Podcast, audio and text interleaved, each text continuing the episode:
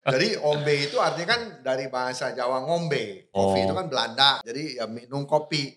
Saya kan jaga tiap hari loh. Dari jam 6 pagi ketemu jam 6 sore itu. Tiga tahun berturut-turut ya. Satu hari pun gak pernah miss. Kecuali uh, Sinca hari pertama sama tanggal 1.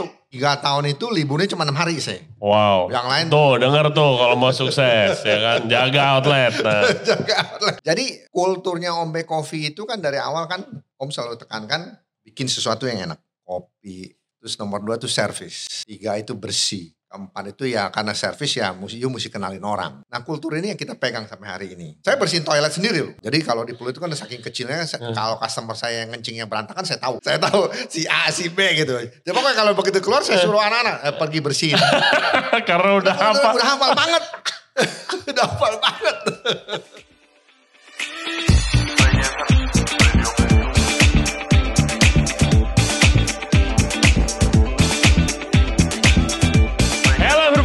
thank you very much for tuning into the show today. Hari ini ada Om Jason, owner dari Ombe Coffee, mampir ke podcast kita buat cerita-cerita tentang pengalamannya jalanin bisnis bersama keluarga. Ombe Coffee sekarang udah 14 cabang dan dia juga selalu menekankan DNA atau sekarang dibilang culture dari sebuah perusahaan itu nggak boleh melenceng ke mana-mana dari awal sampai berapapun besarnya berapapun cabangnya tetap harus pakem konsep dan culture nggak boleh lupa. Nah podcast kita seru banget kalian harus nonton sampai habis seperti biasa. Jangan lupa subscribe yang belum di Regency Radio Podcast. Ada di Youtube, Spotify, and all other podcast platform. Juga follow kita di Instagram dan di TikTok. Without further ado, please welcome Om Jason. Enjoy the show. Halo Om Jason. Halo. Thank you banget udah ke sini akhirnya. Eh, dari sebenarnya dari awal podcast ya Om, saya pengen kenalan sama Om. Oke. Eh, jadi Om Jason ini owner dari Ombe Coffee yang sekarang cabangnya ada 14. Nggak nyangka. Saya tuh tahu eh, outlet Om, Ombe Coffee pertama. Ya. Itu tuh saya masih kerja, terus bos saya, dia hobi sepedaan sama Vespa, namanya Mas Feli.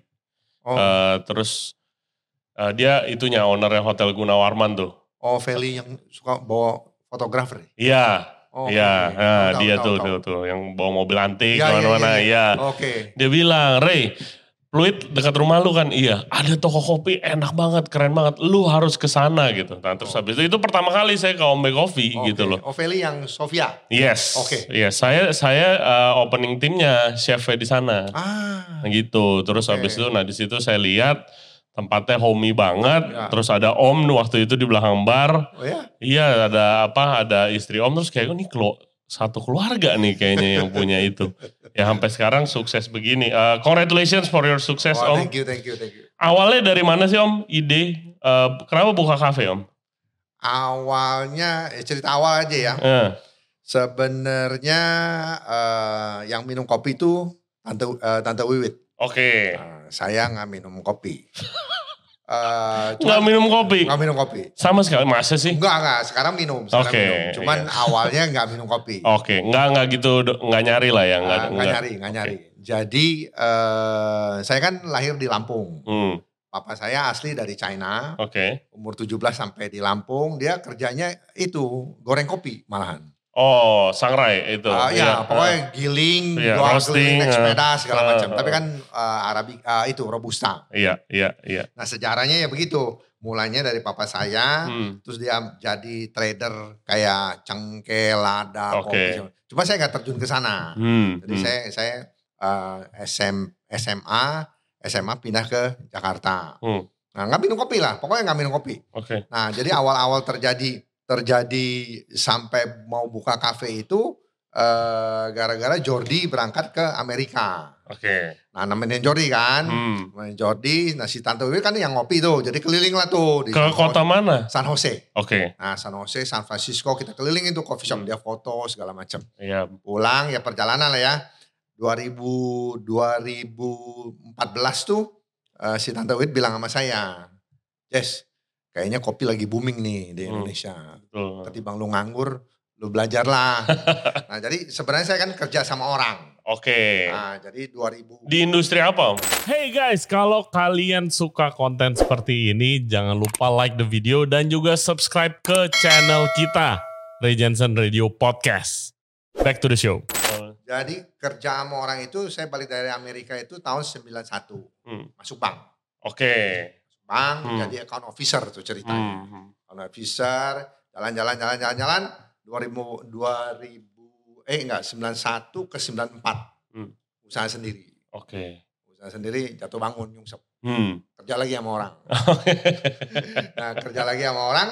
Nah, kerjanya itu bebasin tanah Oke. buat tambang batu bara Hmm. luar kota. Hmm. Terus papa saya meninggal 2012. Saya berhenti kerja. Oke. Nah, kerja main melulu kan tuh. Eh, Main melulu si Tanda masuk Pengangguran, banyak acara. Iya. Jadi si Tante Wid bilang, "Ya udah ketimbang lu bengong aja, Eh. nganggur main melulu. Eh. Nah, lu belajar kopi lah." Oke. Nah, belajar kopi itu sama siapa? Sama Aji Darius, Oke. Hama Aji. sama Aji. Oke. Nah, Aji waktu itu masih kerja di eh, traffic ya, traffic traffic coffee yang di Hang Tua, Hmm. Yellow Truck. Iya, iya, Nah, iya, iya, saya, iya. Saya training sama dia kalau nggak salah Itu dua. nih Aji yang akhirnya kerja bareng Om Ya. kan di Ombe waktu itu Ya, kan. Iya, iya, ya. iya. Nah, jadi awalnya belajar sama Aji Darius Hmm. bulan 3 2014. Oke. Bulan 3 2014. Sebagai orang yang nggak doyan ngopi, ya, terus belajar kopi dengan tujuan buka kafe gimana? Gak mau nggak mau gitu dong. ya mau nggak mau, mau nggak mau. Nah, tapi gini, eh, saya kan peminum teh. Heeh. Nah, habis belajar kopi itu sama Aji, saya baru tahu tuh kopi itu ngejelimet banget. Hmm. Sangat Om, saya baru Ya. belajar sekarang Ya, ampun dah. nah ngejelimet banget. Nah, memang saya orangnya begitu. Kalau udah ketemu sesuatu yang ngejelimet, ngulik kan. Oke. Nah, jadi ngulik lah. Eh, kan dari periode saya berhenti kerja itu, eh, main sepeda, main Hmm. motor, main mobil, temennya banyak. Hmm. Tukang keluyuran lah istilahnya. Nah begitu ketemu kopi, belajar ngejelimet, wah itu yang namanya keliling toko kopi di Jakarta, gila-gilaan tuh. Setiap hari aja si tante pergi muter, beli kopi, cobain di rumah. Nah yang jadi jadi kok kelincik percobaannya si Hmm. tante Wiwit. Iya karena dia yang tahu Ya.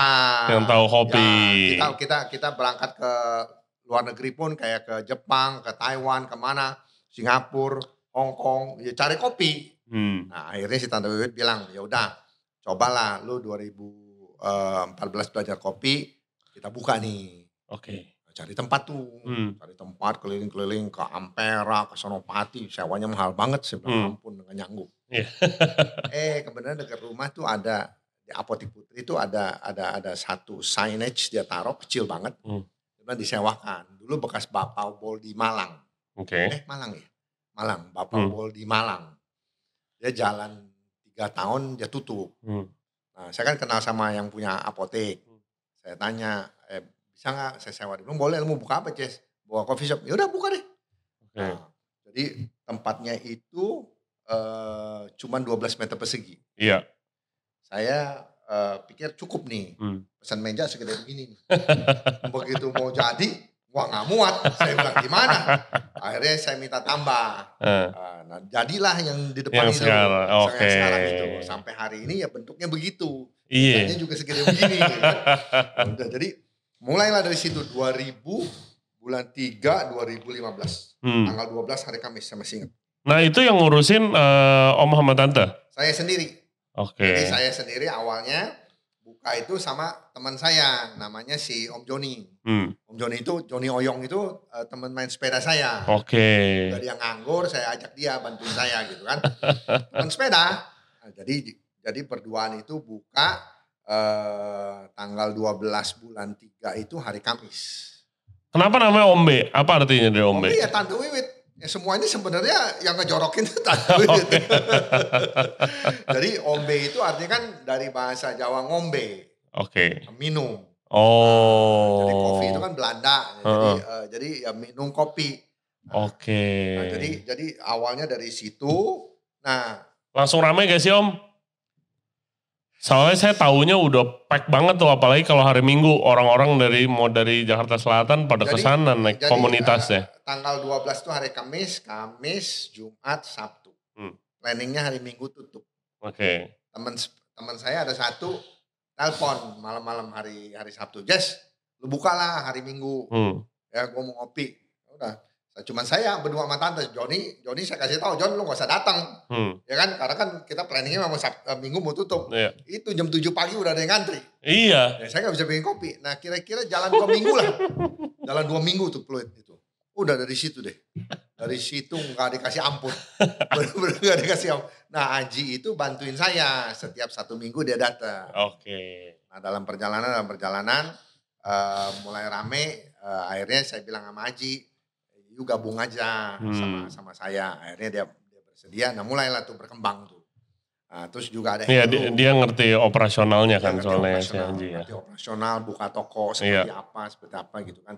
Karena yang fluid itu kan waktu waktu kita buat itu kan juga eh, nggak pakai aturan main. Hmm. Pokoknya buka aja investasinya sekian, pokoknya maunya desainnya seperti begini, Hmm. ya udah pokoknya jalanin aja. Hmm. Eh, untung nggak untung belakangan gitu. Nah, jadi dalam perjalanan Aji bantuin, terus ada Heru kan yang, Hmm. yang yang yang tinggi itu ikut saya juga. Ya basically tim awal itu sampai hari ini eh, masih ada. Hmm. Eh, Hmm. ya Aji kan sekarang udah udah usaha sendiri lah. Hmm. Hmm. Hmm. jadi sekarang kebanyakan eh, kayak Jojo, Jordi, ya dia eh, Jordi lulus dari Amerika pulang bantuin saya. Jojo lulus dari Singapura bantuin saya sekarang. Hmm. Jadi basically ya seperti Ray bilang, ini merupakan satu kayak family business. Yes. Ya. Nah, jadi ya ya ya ya begitulah masing-masing ada ada ada ada egonya Nah, sendiri. itu dia. Jujur saya nggak kebayang kalau saya kerja sama papa saya Ya, dalam satu restoran gitu atau kafe ngerti. Di mana yang problemnya tiap hari selalu ada aja. Terus biasanya dari ego masing-masing, orang temen aja biasa bisa sampai ribut-ribut ya kan. Teman baik apalagi sama keluarga males banget gitu kan.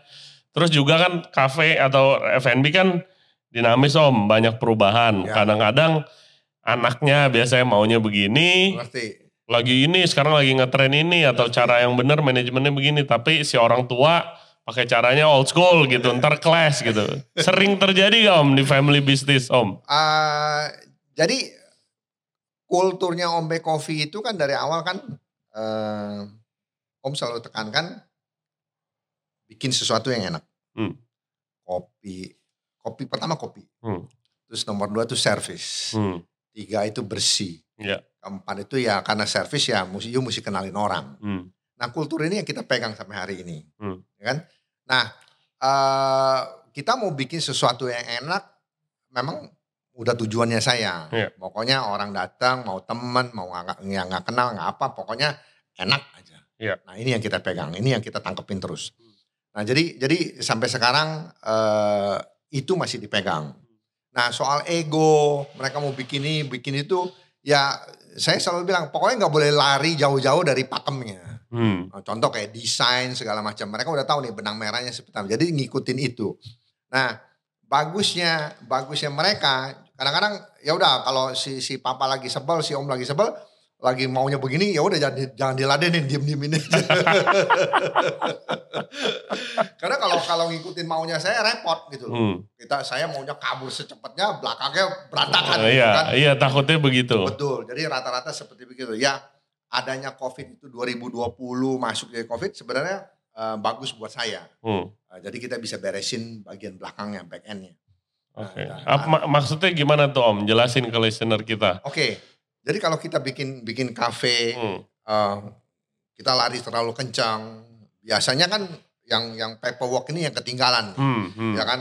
Baik urusan ya segala macam Iya, lah yang kecil-kecil. costing, administrasi Ya, biasanya kalau di ya. F&B, Nah, itu ya. itu nggak kekontrol kan? Nah, Makanya kan kayak ada teman-teman bilang dikirain buka buka restoran tuh cuannya gede gitu Iya. kan. Padahal enggak. Nah, jadi eh jadi begitu eh dirapin operasionalnya, dilihat Hmm. COGS-nya semua satu-satu. Nah, tante tuh eh 2021 tuh kita berempat nih Jojo, Jordi, Hmm. saya komit.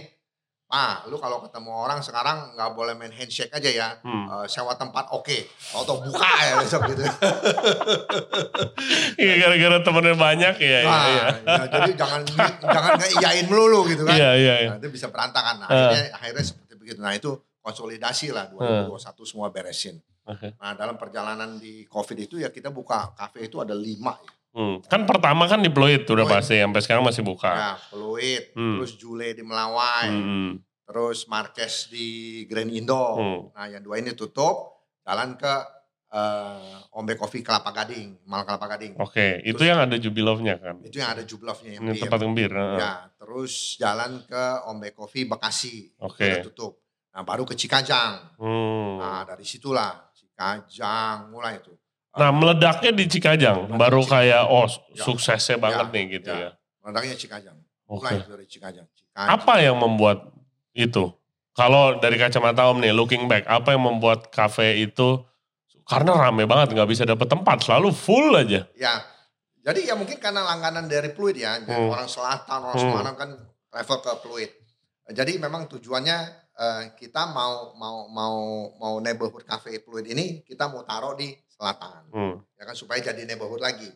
Memang konsepnya udah seperti begitu. Hmm. Eh, kopi kopi ya udah lumayan enak loh, udah Hmm. cocok. Hmm. Jadi memang banyak temen di selatan bilang, Jess, udahlah buka selatan. Iya. Nah, jadi karena teman banyak di selatan, supporting banyak, Hmm. akhirnya boom meledak ya. Jadi, jadi mulut ke mulut lah, Hmm. mulut ke mulut. Nah, memang kulturnya kita kan eh, harus kenalin customer. Iya. Nah, itu kita pakai. Hmm. Dengan cara apa?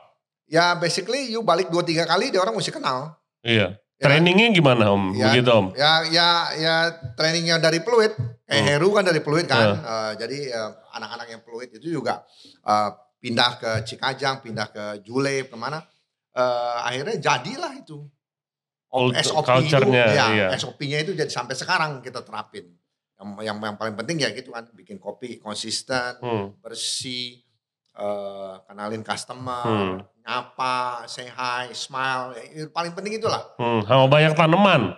Am- Ya, Om- kalau, kalau tanaman Om- saya nggak nggak suka tanaman mati, maksudnya Iya. suka plastik. iya, selalu. Buset, ini tanamannya banyak banget. soalnya. ya, ya, jadi dari awal kan itu semua sebenarnya tante. Hmm. Kayak di Pluit itu kan dia taruh bunga, pohon, Iya. segala macam tante. Memang saya juga hobi, Hmm. tapi nggak sehobi dia. Hmm. Eh, jadi memang eh, sebenarnya yang dorong-dorong bisnis begini adalah Tante Wiwit. Hmm. Nah, yang yang ngopi itu Tante Wiwit, Jojo, Jordi. Jordi Hmm. juga sebenarnya nggak ngopi. Hmm. Tapi mumpung dia waktu di Amerika saya sudah ngeles kopi, akhirnya dia bilang, oh ya enak juga ya katanya. Akhirnya dia terjun lah. Nah, sampai sekarang role masing-masing itu apa? Ada ada departemen sendiri gak sih? Ada, Oh, buat misalnya anak om. Ada. terus- ya apa? ada.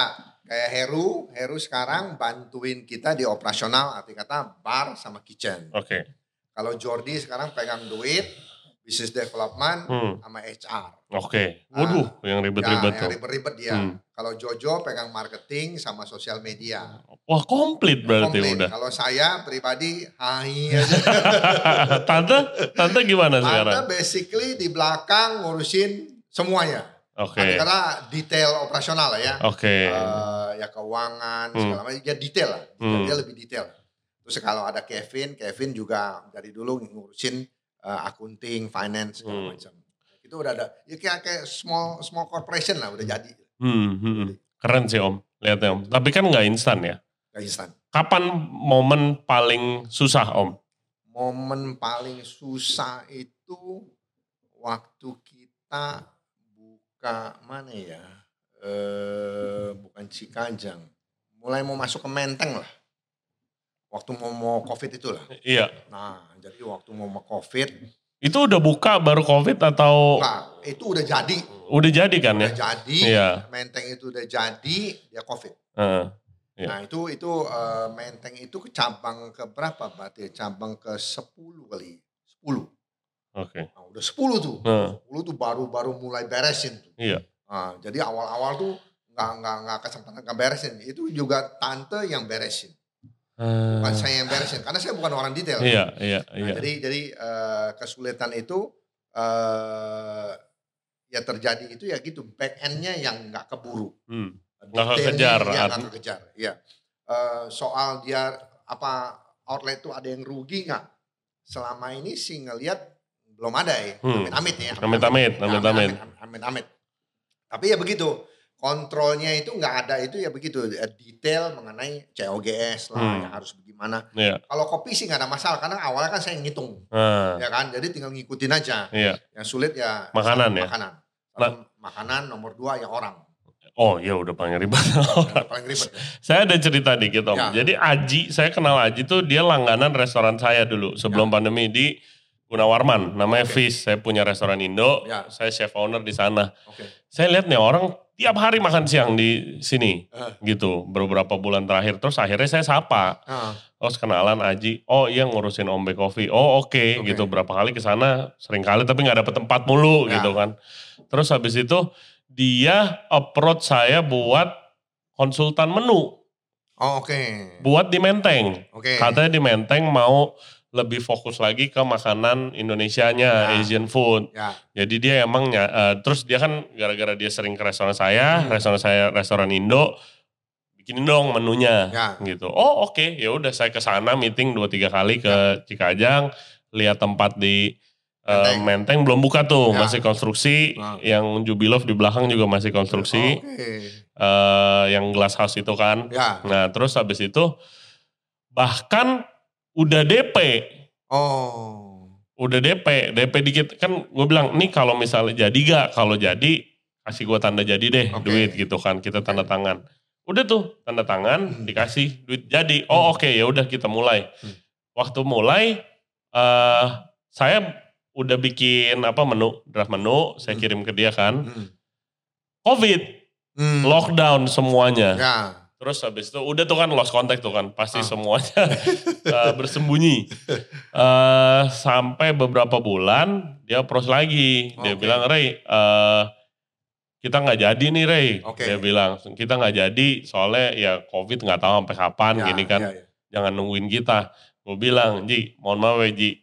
Gue nggak bisa balikin duit lu. Restoran gue udah tutup. Gue Oh, bilang gue oke. duit lu udah gue pakai buat hidup. Gue Oke, bilang oke. gitu tanda jadinya sorry banget nih, gue palingan kalau nggak jadi, tapi gue bisa nyicil, gue Ya, bilang gue ya. balikin. Oke. Dia bilang enggak, nggak usah Ray, tapi emang proyek proyeknya nggak jadi, ya di Oke. situ nggak jadi gitu. Oke, oke, itu oke. ceritanya, oke, ceritanya oke, kayak oke. gitu. Oke, oke. Jubilove masih ada om, Ah, Jubelovnya yang di Kelapa Gading juga udah nggak ada. udah nggak ada. Yang di Nggak ada. Menteng, Yang di Menteng masih ada. Cuma Oke. juga juga juga juga eh, cuma nempel sama Ombe aja lah. oke. Ah, jadi penjualan bir itu ya craft beer itu Malah keren tuh, craft beer kan banyak berdiri tuh kan. Iya. Apa yang draft draft ya? Iya. Nah, Om sebenarnya juga bisa bikin bir. Cuma kan udah, udah udah setahun ini udah berhenti, hmm, ya kan?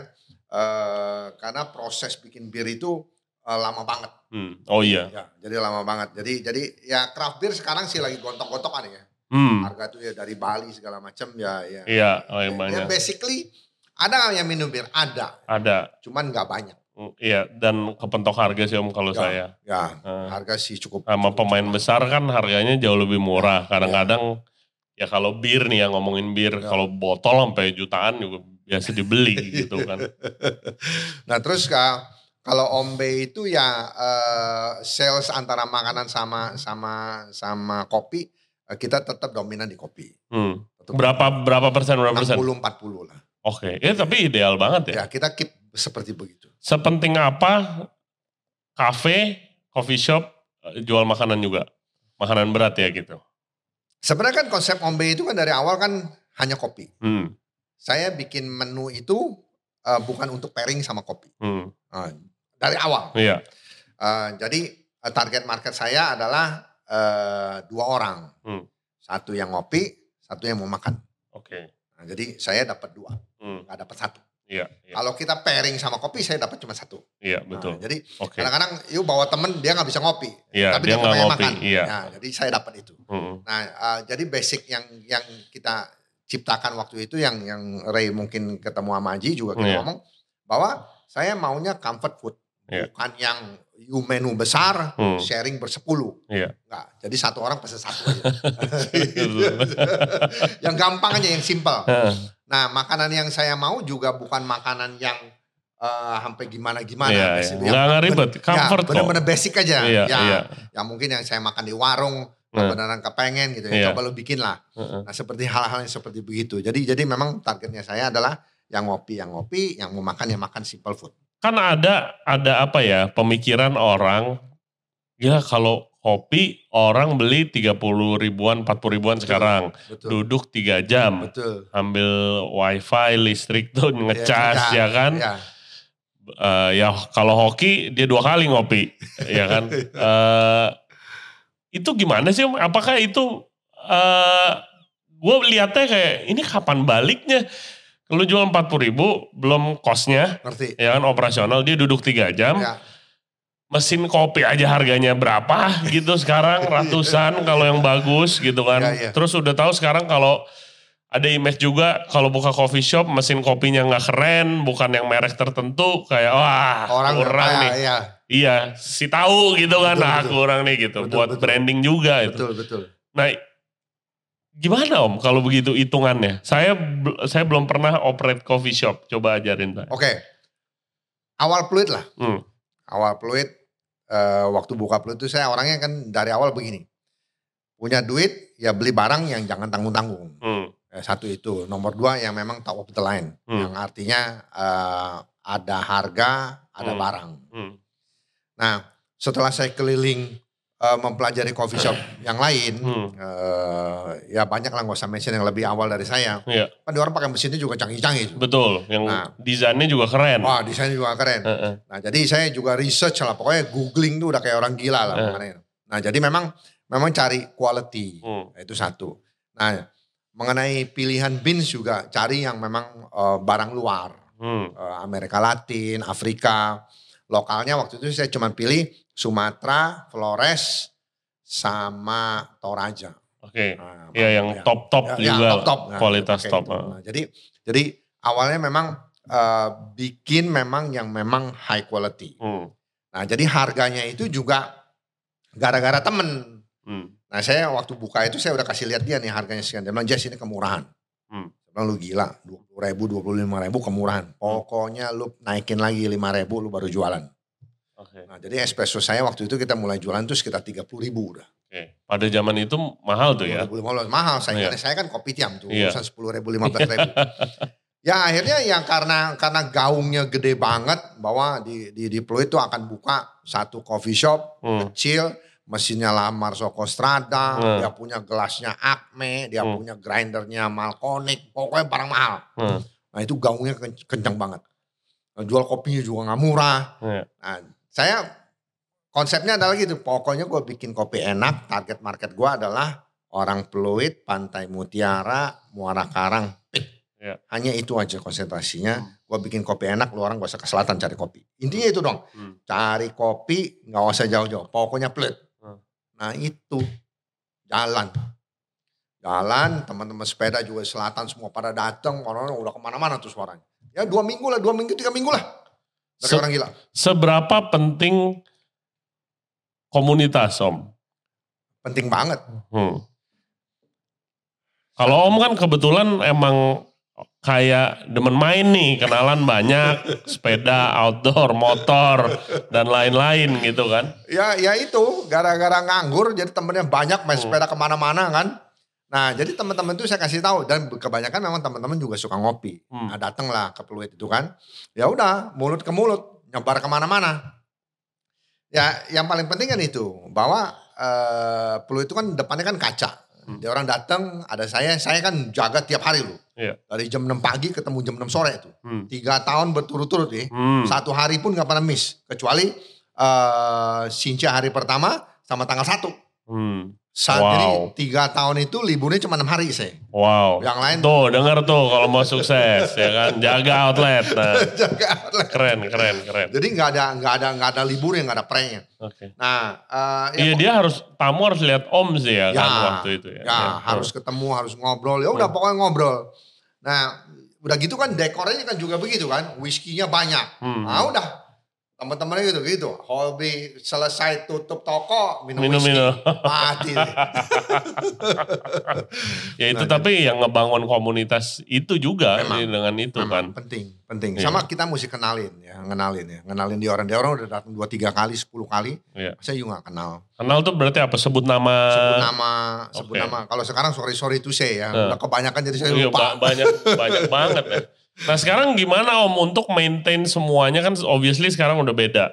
Dulu mungkin outletnya cuma 2 3, sekarang udah 14. Ya, Operasionalnya gimana? Berubah gak yang tadinya kekeluargaan sekarang mungkin apa jadi corporate banget gitu? Ah, nggak berubah sih. Yang Hmm. paling penting kan tim yang di toko itu harus Hmm. maintain. Hmm. Nah, kan, kan, kan, kan tim toko kan tiap hari kan, Hmm. ketemu orang, minimal dia mesti kenalin lah. Hmm. Kenalin, Ah, basically itu. Basically itu, you harus kenalin customer. Nah tanggung jawab Kegiatan Om sekarang gimana? Ngiter-ngiternya? Ah, kegiatan saya ngiter pas kalau di toko ya ketemu customer ya kita ngobrol Hmm. gitu kan nyapa ya ya harus nyapa lah jangan jangan jangan nggak nyapa Hmm. basically itu jadi ngiter aja kebanyakan ngiter sekarang ngiter sama cari tempat Oh, cari tempat lagi. Ya kan? ya Targetnya apa lagi nih Om ke depannya? Om Bay Coffee. Ya. Sekarang cabang 14. Ah, lagi bangun WTC sekarang Oke. WTC mungkin rencana eh, bulan 10 ini buka Hmm. bulan 10 ya bulan 10 buka Oke. Eh, setelah itu mungkin luar kota nih. Tahun 2024 tuh mungkin luar kota. Eh, Makassar, Balikpapan, Bandung, Itu tuh Bali. kalau kopinya pasti kan bisa dikirim. Kalau makanannya gimana Om? Makanan basically, Apa udah ada central kitchen sekarang? eh, central ada, ada central kitchen. Oke. Ada central kitchen. Eh, basically ya kita train chef kita yang di sini, bukan train ya, yang Hmm. chef yang udah, eh, maksudnya yang yang pegang kitchen di sini, yang sudah pengalaman kita kirim, Hmm. pegang toko di sana. Oke. gitu. Eh, setahun dua tahun muter lagi Don. jadi kita ada tim yang khusus memang Muter ya jagoan ya. buka buka toko Oke, tim tim ajar opening. ya ya saya saya kemarin baru kelar proyek konsultan di Solo Om. oke Eh, restoran. Hmm. Tapi dia restoran udah lama. Tapi waktu saya nongkrong-nongkrong ke- sana sih, wah ada ratusan coffee shop kali ya Om. Ya. Lagi bangun. Ya. Lagi bangun emang kayak kopi. Bener gak Om kalau orang bilang kopi itu nggak ada matinya buat di Indonesia? ya ya sekarang kan pertanyaan jadi begini Eh, semua orang mau buka F&B Hmm. Nggak kopi nggak restoran nggak apa Iya saya bingung kenapa. ya kan apakah karena mereka anggap eh, will make money Hmm. atau mereka pikir ya udah ini yang paling gampang buka ini dulu ketimbang buka pabrik gitu Hmm. buat belajar gitu Iya. kan atau memang duitnya lebih ya udah coba buka iseng-iseng kalau rame syukur nggak rame udah kan gitu kan hilangnya palingnya segitu gitu kan nah kalau orang-orang yang buka coffee shop karena memang dia hobi Hmm. atau memang dia kepengen buka Hmm. dan tokonya juga kecil mungkin dia mau jalanin sendiri Hmm. I think it will survive Hmm. nah sekarang tinggal kayak saya aja waktu awal peluit kan juga kan pikirnya juga gitu ketimbang lu nganggur Jess lu buka lah Iya. Nah, eh, untung nggak? Untung. Hmm. Gede nggak? Ya cukup, Hmm. ya kan? Nah, gede itu setelah you punya 10. Nah iya itu dia. Nah, Ah, ya kan? betul. Betul. Lu punya 10. Mau, mau kaya raya dari satu susah siapa juga. Karena marginnya tuh kecil banget. Ya, Iya. jadi kalau dihitung-hitung eh, jadi kecil. Nah, Hmm. sekarang kalau kita ngeliatin orang-orang yang buka eh, investasi 10 miliar. Hmm. Eh, Waduh, iya. Nah, mau ngejar omsetnya seperti apa? Buset, 15 miliar, 20 miliar. Iya. Waduh, iya. Nah, kan kita bingung, apa omset 3 miliar gitu kan. Sekarang kalau omset 3 miliar bagi 30 hari kan 100 juta gitu Iya, kan. iya. apakah ada customer yang datang karena udah saking banyaknya saingan kan. Iya. Nah, Om B kan eh, kita buka pun kita udah lihat nih target marketnya adalah ini. Iya. Nah, kita udah prediksi begini. Kita investasi juga nggak gila-gilaan. Hmm. Memang eh, ya memang timing hoki, temen banyak, Hmm. suaranya bantuin banyak gitu. Iya. Customer people of Om B-nya banyak. Jadi begitu buka tuh udah kayak gelas tuh keisi air udah separoh. Iya. Nah, tinggal kita nge-grab market yang baru yang belum pernah ke Om B bagaimana caranya. Hmm. Ya uh, basically ya itu. Kita kasih tahu tim bahwa customer itu you mesti kenalin. Hmm. Itu loh yang Ya itu jaga. penting banget Nah, sih. Itu kita jaga. Itu itu benar-benar kita jaga. Nah, kayak waktu masuk Covid tuh kan banyak orang bikin yang kopi seliter, dua liter. Betul, Nah, betul. orang bilang, "Jess lu bikin juga." No, no, no, no, no. Kita Hmm. marketnya nggak di sana. Marketnya orang yang di sono ya udah biar dia orang makan. Hokinya saya itu cuma ini ya ini gitu loh Oke. porsinya gue dapat cuma tiga perapat gelas ya sudah dia bisa dapat dua miliar ya biarin aja itu hokinya dia Hmm. hokinya Om B ya ini bahwa we are full service uh, kita harus melayani apa segala Om B waktu covid itu nggak ada yang tutup tutup dalam arti kata shutdown tutup gitu Iya. nggak ada kita buka. Mau Wow. jualan satu cup pun kita jualan. Wow. jadi prinsipnya saya waktu itu adalah kita tetap buka kita tetap serving customernya kita. People of Om B itu kita tetap serving. Hmm. bahwa kita kita nggak nggak bilang wah ini sepi shutdown gitu. Jeblok. Ya daripada sepi shutdown. Ya, jalan terus. Wow. satu pun nggak ada tutup. Kecuali kantor ya oh UOB ya UOB DBS Ya kalau di Ah, kantor ya, kantor ya mau nggak mau ya, gedungnya tutup. ya, tutup Karena apa Om punya kepercayaan belief kayak begitu? Karena kan kita anggap kan customer kita itu kan masih mau minum, Hmm. ya kan? Walaupun dia nggak boleh duduk, tapi kan dia mau minum, dia mau beli gitu. Gue mau ngopi gitu, Jess. Iya. Gimana cara peluit itu sama sekali nggak tutup. Iya. itu nggak ada bilang ada barrier, lu nggak boleh masuk. Ya kan nggak banyak bisa. banget tutup sementara kan, banyak Nggak, banget. Nggak ada, masalah. kita satu pun nggak ada tutup. Nggak mau Hmm. tahu saya bilang. Wow. Nah jadi kayak yang di pick itu kan eh, nggak boleh duduk. Ya udah dia orang masuk beli cup take away dia minum di depan. Peluit sama. Dikasih cup take away suruh minum tunggu di depan nggak mau. Pokoknya gue mau gelas keramik itu gue pegang nih di depan. iya sih, emang saya saya juga percaya mestinya ya terus maju kan. Waktu Ya. waktu pandemi itu restoran saya terus habis itu investor bilang kita tutup sementara. Saya udah tahu ini nggak bakal buka lagi. Karena nggak nggak segampang itu loh, lu, lu tutup sementara terus buka lagi, staffnya gimana, pasti hilang. ya karena orang itu Ya. kan ada orang Indonesia juga juga lucu pikirannya. Wah dia tutup nggak survive nih. Padahal kan Iya. mungkin mau istirahat mau apa gimana Iya, kan. iya. Nah itu. Nah itu yang yang saya bilang sama tim. Pokoknya kita nggak boleh tutup. Hmm. Nah, hari itu kita meeting ada ya Aji juga waktu itu masih ada kan meeting Jordi segala macam saya tanya sama mereka kalau kita sama sekali nggak ada sales hmm. kita bayar gaji top management kita reduce uh, reduce paymentnya by 25% hmm. uh, kita bisa tahan sampai kapan dia bilang Desember oke okay. saat itu ya hmm. Oh, tanpa tanpa tanpa ada sales eh, tanpa ada sales tanpa ya? ada sales kita masih bisa gaji orang sampai Desember jadi projection uh. 100 tuh. 100. Dengan outlet berapa? Dengan outlet waktu itu 10 kalau nggak salah. Gue ya, ya Eh, enggak loh. Eh, uh, belum menteng. Belum menteng itu berarti 9. Oh, puyeng-puyeng nah. tuh. Oke. Okay. Nah, menteng itu udah keluar duit loh. Iya, nah, udah konstruksi kan. Nah, saya lihat tempatnya udah, udah jadi. jadi, udah rapi hmm. ya. Harusnya bulan 3 2020 itu buka. Hmm. Saya nggak tahan. Bulan 5 saya bilang buka, tutup lagi. Ya. Saya bilang saya bilang bulan 8 lo orang batu jaken saya mesti buka begitu buka dia boom Iya. menteng itu begitu buka dari buka sampai hari itu nggak ada turun-turunnya Hmm. mau udah covid mau delta mau apa dia orang datang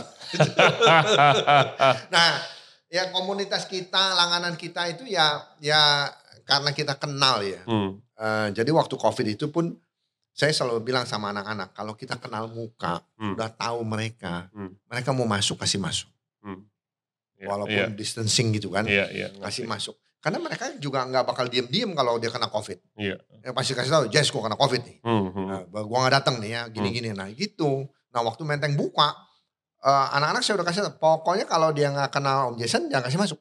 Hmm. nah banyak tuh kan yang ngaku-ngaku gitu kan. Eh, bilang kenal Om Jason ya? Saya bilang waduh nggak kenal namanya fotoin orangnya. Lihat muka, oh ya kenal suruh masuk. Ah, Oke. nah, jadi jadi jadi kita pilih benar-benar kita nah ya ya ya itu bantu banyak Hmm. jadi customer kita uh, people Ombe itu kenalan semua itu bantu banyak Bagaimana eh, cara Om untuk menjaga konsistensi produk? training training mau nggak mau training Em, walaupun anak-anak itu sudah kerja sama kita tiga tahun tetap Eh, soalnya kan mesin kopi kan harus dikalibrasi tuh, di Tiap setting tiap hari. tiap hari, ya kan? tiap hari Ya, saya kesulitannya nih buat yang nggak ngerti kopi, waktu dulu punya restoran atau waktu lagi kerja di restoran, kadang beda gitu kan Ya. kopinya. Oh ini harus dikalibrasi ulang. Ya, kan terus gitu kan, Terus. terus terus terus, Terus. itunya tuh. Ya jadi ada ada ya ada koridornya ya. Hmm. Koridornya kan nggak enak sama enak sekali ya ada di tengah-tengah. Ya udah main di tengah. Hmm, Nah yang paling penting itu kan juga roster sebenarnya. Hmm. Ya kan kita kan ada ada ada ada rosternya buat kita nih. Nah komunikasi antara roster sama kita itu mesti jalan. Jangan enak-enaknya dia. Hmm. Kalau kita lagi nggak cocok, ini kurang apa kita ngomong sama dia, dia perbaiki. Hmm. Nah koridor koridor kopi kita, koridor makanan kita itu basically udah kita tentukan bahwa Hmm. ini begini loh, pakemnya ini loh. Jangan lari-lari, jangan maunya lidahnya lo. Iya. Sekarang lidah itu anak maunya Betul. pahit. Tapi kan customer maunya kayak begitu. Nah Iya. ikut itu gitu loh. Ah, ah. Nah informasi ini kan ya kan nyampe. udah ada standarnya. Nah. Iya. Ah, hokinya kita juga gitu. Customer customernya Om B ini kalau ada sesuatu yang nggak cocok sama dia, dia bisa WA Om. Hmm. Nah, langsung- Om langsung kontan tuh. Begitu misalnya kayak Pondok Pinang atau mana atau, atau Senopati, Jess kopi lu begini. Orang Langsung, nih hari ini Ya. gitu misalnya. langsung saya kasih tahu. Apa bedanya ada di mana segala macam begitu. Langsung. Nah, itu Oke. hokinya itu. Bahwa customer antara saya sama customer itu antara tim sama customer itu eh, komunikasinya jalan. Iya, ya itu dimulai kalau menurut saya sih dimulai dari ya Om waktu buka di Pluit sih jaga tiap hari. Iya, Jadi iya, jaga tiap hari. udah ke mindset ya begitu mau masuk aja udah lihat Om ada di situ Iya. terus Iya. terusan Iya. gitu kan. Iya itu sih Ya Wow. brainstorm tiga tahun itu lah. Keren, Iya, iya. keren Om keren. Nah sebelum kita masuk ke pertanyaan ini Om saya mau nanya Hmm. eh, peran eh, Tante Wiwit nih. Besar, besar Iya, sekali. Ya udah pasti karena dari found yang idenya aja sebenarnya. Dari hari pertama itu dia tanggal eh, 12 Maret Hmm. 2015. Dia cuma bilang sama saya, Jess lu jangan berantem sama orang ya. Ya. Jadi dia kan di belakang saya itu, dia Hmm. pegangin kaos saya, kalau saya udah marah gitu, marah-marah. Karena kan orang udah nanya ini, nanya itu, sudah gregetan aja. gitu. Apa mau mesen kopi? Iya, pesan kopi kan nanya. Banyak yang nanya. Iya, nanya, dia udah diem aja gitu. dia bilang lu jangan berantem sama orang, diem-diem aja. Eh, Belum kejadian kan sekarang? Belum, belum, belum. belum, enggak, enggak. Jangan, jangan kejadian. Enggak, enggak, maksudnya ya dari awal kan begitu kan, maksudnya uh, service is number one. Hmm. Uh, jadi anak-anak muda yang sekarang uh, buka restoran atau yang melayani itu yang paling penting. Hmm. Nah, kita itu kan nggak bisa melayani. Hmm. Uh, di rumah kan nyuruh mbak. Iya. Mbak ambilin piring, mbak ambilin sendok. Sekarang yuk kerja sendiri. Tapi Iya. kan mesti, mesti Melayani orang. Nah, Iya, iya. ini yang yang susah. Ego harus turun. Ya. Saya bersihin toilet sendiri loh. Eh, Uh, jadi kalau di Pulau itu kan saking kecilnya, Hmm. kalau customer saya yang ngencingnya berantakan saya tahu. saya tahu si A, si B gitu. Jadi pokoknya kalau begitu keluar saya suruh anak-anak eh, pergi bersihin. Karena udah apa? udah hafal banget. udah hafal banget. Makanya kan ada orang-orang yang di itu bilang, udah om lu taruh aja di Instagram tuh siapa yang kencingin beletetan. Luar biasa. Nah, luar sampai, biasa. sampai seperti begitu. Jadi peranan peranan Tantowo itu Hmm. gede banget. Hmm, gede banget. Eh, jadi peranan tim yang sekarang itu sekarang gede banget. hmm, Ya, jadi terutama eh, kayak Jordi, Jojo, eh, Heru, Kevin, eh, mereka udah satu unit Hmm. yang memang eh, udah menentukan yang Hmm. yang yang, yang Ray bilang ya, family. Jadi saya, saya saya saya udah lebih banyak ngalahnya. Oke. Ya, udah lebih banyak ngalah, nggak ngotot anak-anak mau apa ya udah go ahead. Tapi kalau dia sampai melenceng dari jalurnya saya ingetin. Cuman itu aja sih. Basically itu loh. Jadi jadi kalau kayak waste, ada waste saya pekan ke toko lagi lihat anak-anak ada melakukan sesuatu yang saya rasa kurang cocok, saya kasih tahu leader. Hmm. Saya nggak pernah bilang sama manajernya. Jadi leadernya yang tahu. Iya, jadi strukturnya Ya, tetap strukturalnya terjaga, jalan, ya. jangan ngelangkahin Ya, atas bawah. ya, ya. Nah Oke. ini yang ini yang pelajaran ini yang yang kita ajarin sekarang Hmm, gitu. Oke. Kalau dulu kan masih langsung. Langsung. Ya sekarang udah enggak. Oke. Ini Iya. perubahan ini udah dua tahun, tiga tahun ini lah. Eh, Yang menteng menteng berdiri lah karena gede banget kan. Iya, iya. Ya, jadi memang udah besar. Oke. Keren Om. Semoga sukses terus. Thank you, thank you, Om. Coffee makin Sama-sama. jaya. Thank you, thank Eh, you. Guys, ini kita ada pertanyaan dari uh, follower kita. Thank you for the questions and keep them coming. Ini pertanyaan untuk Om Jason. Oke, pertama Om, da, at Novelino Noveli No Nicolas. Oke, Om pernah dengar Om Jason ini bukan pencinta kopi, tapi bisnis kopinya nggak main-main, pasarnya juga luas. Pertanyaan saya, bagaimana cara Om riset soal kopi kalau nggak demen kopi? Eh, jadi eh, ngeriset di dalam kepala itu begini. Kopi itu pahit. Ya. Ya kan? Nah pertanyaan kenapa dia bisa pahit? Hmm. Eh, jadi kita cari tahu, oh dia pahit itu karena dia digosongin, Ya, pahit. Terus nomor dua, eh, kalau dia nggak digosongin, kita ngomong arabica ya, kita Hmm. ngomong kita nggak ngomong si robusta. robusta. Karena robusta itu ka- kafeinnya tinggi. Hmm. Saya nggak bisa saya nggak bisa minum kopi itu, nggak suka kopi itu atau nggak bisa minum kopi karena kafeinnya tinggi. Saya nggak bisa tidur. Alasan saya cuma satu itu dong. Iya. Nah, awal-awal itu juga karena pahit. Nah, Hmm. setelah kita belajar, kita tahu, oh, karena dia gosong, dia pahit. Hmm. Arabica, kopi-kopi kualitas Arabica yang yang yang yang mahal-mahal, Hmm. itu pasti asam. Hmm. Nah, banyak customer yang yang Iya. suka asam. Betul. Nah, jadi Kok asem sih? nah gitu jadi kan. kita belajar bareng-bareng waktu saya buka peluit. Hmm. Ada yang mau minumnya pahit, pelan-pelan kita Hmm. ajarin. Ada yang nggak suka pahit, saya suka tanya, lu minum teh nggak? Minum eh, jamu Ya. Cina nggak? Hmm. Obat Cina. Kalau lu minum eh, apa obat Cina, lu nggak pernah bingung pahitnya gitu kan? Iya, pahit. Iya bener juga katanya. Nah Hmm. jadi kita belajar bareng-bareng. Hmm. Jadi ngerisetnya begitu bahwa eh yang enaknya itu apa sih? Hmm. Yang nggak enaknya itu di mana? Yang enak itu di mana? Saya ambil jalan tengah. Hmm. Ya lidah gua nggak ngaco-ngaco amat, Iya. ya kan? Nah ini loh yang enak ini. Nah, Nah pelan-pelan. Ada satu, ada beberapa customer saya, eh, ada teman saya satu gitu. eh dulu minumnya black Hmm. kasih gula. Iya. Sekarang filter. Wih. Nah kelas tinggi Udah, banget. udah, udah, udah. filter coffee, nggak mau minum black lagi, nggak suka.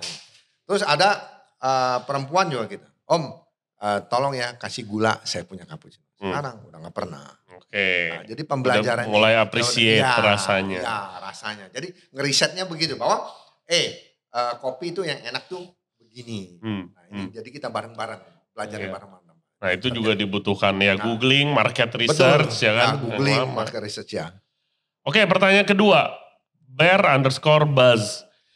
Jiwa adventure Om Jason memang dari waktu muda atau dimulai dari kapan nih jiwa adventure? Karena saya anak daerah Hmm. dari Lampung. Dari kelas 3 SD itu saya udah punya sepeda mini. Hmm. Nah, kelas 3 SD. Mainnya kejar kereta api, Hmm. pergi camping, mandi di laut. Rumah saya itu belakangnya laut. Hmm. Mandi di laut, berenang, pokoknya udah pokoknya nakal-nakal gitu. ya. Adventure lah. Udah, udah pokoknya dari kecil tuh eh, udah hitam ya. Nggak ada putih-putihnya. Nah dari dulu, dari dulu memang saya suka outdoor. Dari dulu, Hmm. dari kecil.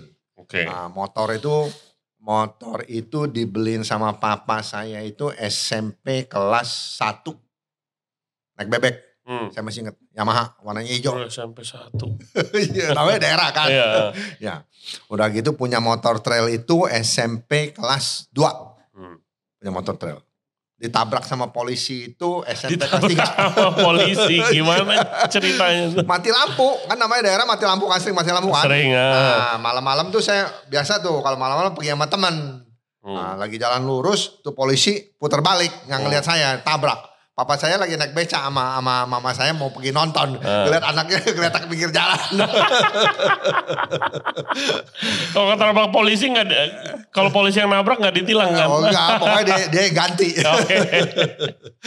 iya, tapi itu juga membantu ya ke depannya membantu bisnis untuk Oh iya. komun, jadiin Oh iya. komunitasnya. Jadi waktu ngikutin. waktu saya buka waktu saya buka Ombe itu saya maraton itu eh, 2014 Hmm. September. September maraton 42 kilo mandiri terus Singapura di bulan Wow. bulan 12 Hmm. kalau nggak salah apa bulan 11 42 kilo terus Tokyo eh, di bulan 2 Hmm. eh, 2014 42 6 bulan itu 42 kilonya tiga kali. Nah triathlon juga sama. Buset. Eh, triathlon eh, berenang 1,8 eh, sepeda 90 kilo lari 21. Nah jadi karena fisiknya kuat Iya. buka ombe berdiri tiap hari Jaga Nggak sakit-sakit. aman. Amin, amin. sampai hari ini. Baru kemarin itu kena DB. Iya. iya, iya. Nah, karena ada apa-apanya lah dari jaga Nah, kafe sama nah, triathlon. Jadi jadi kalau fisiknya eh, ya kebenaran waktu itu lagi fisiknya lagi bagus-bagusnya ya. Hmm, Ya, Jadi jaga kafe itu mau tiap hari mau bangun pagi nggak ada masalah. aman. Aman. Oke, lanjut. Ed Kuliap, selain brewing coffee, apakah Om Jason masih pengen eh, brewing beer juga buat Jubilov ke depannya? Mana masih penasaran gak Om sama tempat beer Om? Masih, masih, masih penasaran. Hmm. Eh, karena menurut saya bir di Indonesia juga masih ada chance ya. Hmm. Cuman ya memang bahan baku kan kita nggak punya. Iya, so, masalahnya itu karena Ya. bahan baku impor, jadi Ya. harganya mahal, banget. Ya mahal. Jadi kalau memang mau dibikin murah bisa? Bisa aja. Cuma kan jadi jadi bukan craft beer lagi. Iya. Jadi kalau mau pakai gula biasa aja bikin bir ya bisa-bisa aja. Om paling doyan apa craft beer sekarang nih? Maksudnya in brand name? Ya, apa? Saya kemarin nyoba Ah, enggak, atau enggak tipenya deh. IPA, atau apa. IPA. Ah, IPA sama. Ya, Saya IPA. kemarin nyobain IPA enak banget Om. Lagi di acara gitu. Eh kita di sini ada IPA dari Bali gitu. Hmm. Nyobain. Iya. Enak banget. Saya doyan banget. Wah gila. Saya minum saya minum tiga. Tiga kaleng. Bilnya keluar satunya 150 ribu. Oh iya. Saya kayak Ya, waduh. segitu memang. Gue bilang Segitu. ya. Ya 500 ribu buat ngebir saya masih gimana gitu loh. Karena mungkin Mahal. ya image dengan apa eh, bir-bir yang biasa saya minum harganya palingan 30-40 ribuan mahal. gitu kan. Mahal. Karena karena bir kan dari awal kan harganya begitu kan. Harganya harganya memang memang keroyokan. Sama Hmm. kayak kopi sekarang. Iya. Kan kopi kopi keroyokan juga banyak. Ya. Eh, yang kopi yang mahal juga kan juga ada. heeh. Eh, tapi tapi karena lifestyle ya jadi jadi orang kan jadi jadi terpisah gitu. Iya. Nah iya. kalau bir nih masih belum, Ma- Iya, bir mah iya betul Om. masih belum. Masih Kalau whisky kan udah udah udah udah kelihatan ya Iya. pisahnya kan. Cuman Iya. ja- ya, jadi jadi kalau whisky itu ada yang mahal banget, Iya. marketnya jadi kecil banget kan. Iya. Nah, jadi jadi cuman permasalahan sama whisky yang mahal-mahal itu orang kan masih bisa nenteng sendiri. Hmm. Nah itu yang susah. Iya, iya. Itu. Iya, soalnya kayak mertua mertua saya aja, wah ngebir nggak mau, cuma mau satu brand, nggak mau yang lain, lain. mau nyobain craft beer ini, Iya. IPA ini, nggak, nggak, nggak, nggak, nggak, nggak, udah kekeh gitu loh, ya kan, udah kedoktrin banget. Iya. Ya semoga Om bisa eh, lanjut lagi ke bisnis birnya. Oke. Eh, terakhir di Omaja underscore, pendapat Pak Jason tentang kopi motoran. Bagaimana? Apa Starling maksudnya? Kalau dulu pernah kepikir ya, Hmm. eh, kayak food truck. Ah, Ah, iya iya, iya, iya. Dulu sempat ngetren, ada zamannya ngetren. Food truck kan di Amerika tuh gila-gilaan. Iya, Ya iya. kan? Sampai iya. sekarang mungkin masih gila-gilaan. Ah, Ah, kita waktu itu pernah ya Jo ya eh, ke, ke waktu eh, visit Jordi kita Hmm. ngeliat full truck, food truck. Terus balik ke Indonesia juga punya pikiran mengenai food truck, Hmm. mengenai pikiran kopi kayak Starling gitu kan, Iya. Starbucks keliling yang Iya. goes gitu iya, kan. ah. Pernah kepikiran. Cuma pertanyaan jadi begini loh. Indonesia itu kan panas. betul. Di luar tuh terus orang juga jalan kaki, enak gitu. Iya. Buat food truck. Kalau luar negeri kan adem. Nah. Indonesia tuh panas. Iya. Sekarang lu mau ngopi, kopi panas gitu kan nggak lucu. Iya. Iya dong. Jadi saya pikir kayaknya konsepnya nggak bakal jalan deh. Mungkin di luar daerah yang nggak panas kali Om di Indo. Ya, kayak, kayak Tapi jauh-jauh, ya. ya. tapi tetap aja kayak kebenturnya jadi gitu harga nantinya. Iya, iya. Iya kan? Khususnya kalau di Jakarta kan orang maunya adem, Adem, ya kan, adem, eh, AC-nya dingin, ya. kan, ya harus nyaman, baru orang betul. datang. kayak covid aja lah. Covid kan outdoor, outdoor, outdoor. Sekarang Iya. orang suruh outdoor, nggak mau balik lagi ke dalam. Wah itu dia, itu dia dulu bikin outlet, oh iya semi outdoor masih ada nih orang takut-takut. Iya. Mana? Orang kayak segede kandang kucing aja buset. Orang di sana minum-minum ngerokok segala macam aman aja. Ya, jadi jadi ya kalau kalau kalau kalau mau dibikin goesan, ada nggak makannya? Ada. Hmm, hmm. Gede nggak? Eh, ya lo mau kerain berapa banyak kan ini Hmm. istilahnya gitu aja. Iya. Ya basically basically ujung-ujungnya ya cost Hmm. human cost itu akan akan Iya, akan betul. catch up. Oke Om, terima kasih sekali lagi Thank you. buat apa eh, Sama-sama. ceritanya. Ya kan? Sama-sama. Seru banget dan bisa jadi inspirasi buat kita semua. Sama-sama. Guys, buat jadi kayak Om Jason, secretnya itu apa ya? DNA ya, culture-nya ya. Culture. company kalian itu Nah. nggak boleh aneh-aneh deh, nggak boleh nyebrang-nyebrang. Dari pagi. awal, yes. Bangun pagi. Bangun pagi, jaga outlet 3 tahun. Libur cuma enam hari. Ya kan? Baru tuh. Kalau belum begitu, nggak usah. nggak usah ngeluh-ngeluh. Eh, thank you banget buat Om. Coffee. Eh, salam Om ke Tante dan Ya. semua timnya. Anak-anak semoga sukses. Guys, thank you banget buat yang udah dengerin eh, dan udah nonton podcast kita sama Om Jason kali ini. Jangan lupa subscribe di Regensen Radio di YouTube, Spotify, Apple Podcast, Google Podcast, dan Anchor App. Follow kita di Instagram dan di TikTok. Eh, dan jangan lupa ngopi terus di Ombe Coffee. Ada 14 cabang. Tinggal pilih aja. Thank you. Oke, eh, stay safe, stay healthy. We'll see you next time. Bye-bye. Bye bye. Bye bye. Thank you. Thank you banget, Om. Thank you. Thank you. Thank you. Thank you. Thank you.